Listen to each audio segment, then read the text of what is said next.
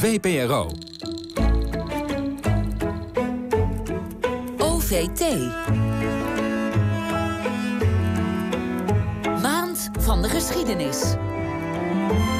Live vanuit het Watersnoodmuseum in Ouwerkerk. Met Paul van der Gaag. Ja, en we staan nog steeds, of we zijn nog steeds de gasten in het Watersnoodmuseum in Zeeland. Ik zwaai ondertussen naar Kees Slager, die weer huiswaarts Kees keert. Uh, en ik sta hier met Janne Kooijman, nog weer een keer net bij het eerste uur, operationeel manager van het Watersnoodmuseum. En we staan hier op een heel bijzondere plek. Let maar op. Ja, u kunt het niet zien, maar ik wel. Ik doe een deurtje open en dan kom ik in een radiostudio. Luistert u maar.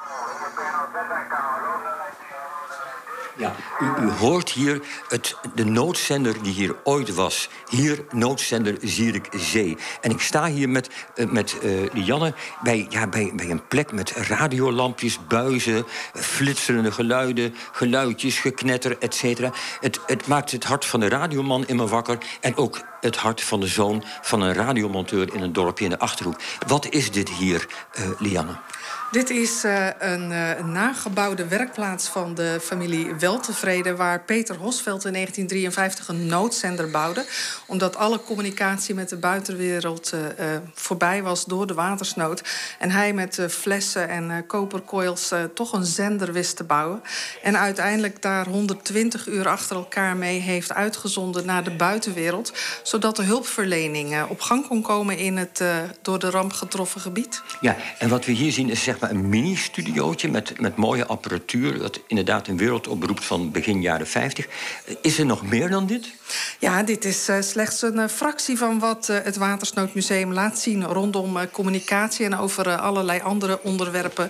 De slachtoffers van de watersnoodramp, de 1836 slachtoffers, de wederopbouw en ook overstromingen anno nu. Maar deze studio geeft een goed beeld van hoe een studio van en monteurs er in die tijd uitzag.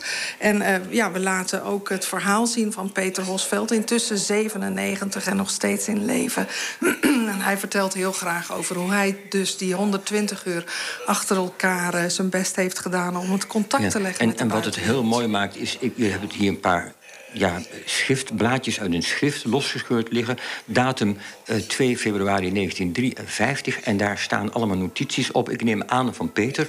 Bijvoorbeeld, de burgemeester van Zeeland op Schouwen-Duiveland maakt bekend... Schouwen en Duiveland volkomen geïsoleerd. Er zijn vele dijkdoorbraken, alles staat onder water.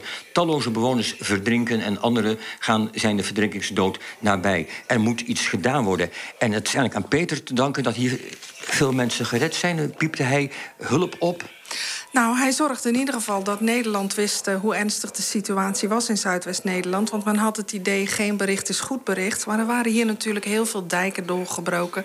Grote delen van Zeeland, Zuid-Holland en uh, Brabant waren overstroomd.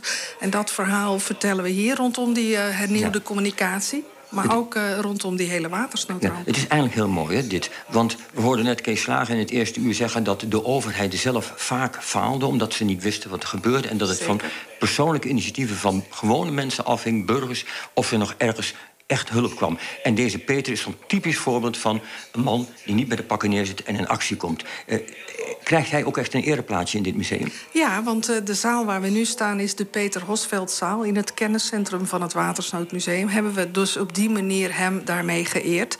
En uh, deze werkplaats van de firma Weltevreden... Die, is eigenlijk ook een eerbetoon aan Peter Hosveld. Goed. Lianne, dank je wel. Paul, we gaan weer naar jou.